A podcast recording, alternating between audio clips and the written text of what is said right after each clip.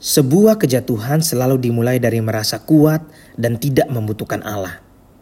Hari ini saya belajar tentang Raja Usia. Ada masa di mana ia begitu taat dan setia kepada Tuhan sejak masa mudanya. Sehingga Tuhan buat berhasil semua yang ia lakukan dalam hidupnya. Tetapi saat ia mengalami masa semua settle, stabil dan ia kokoh, muncul perasaan berhak untuk melakukan apa pun. Bukan lagi Tuhan yang menjadi rule-nya, tetapi diri sendiri yang menjadi rule-nya. Usia dikenal sebagai raja yang mencari Tuhan dan melakukan kehendak Allah. Berubah menjadi raja yang toleransi akan penyembahan berhala dan bertindak sesukanya.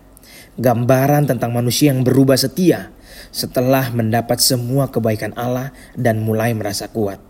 Sama seperti kita, saat di mana kita mengalami kesulitan dalam hidup dan tak ada jalan keluar yang bisa kita temui, jalan satu-satunya adalah kita meminta pertolongan kepada Tuhan berharap semua baik-baik saja dan lancar.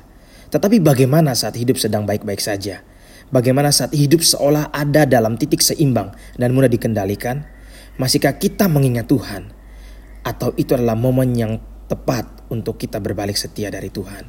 Pilihan ada di tangan kita.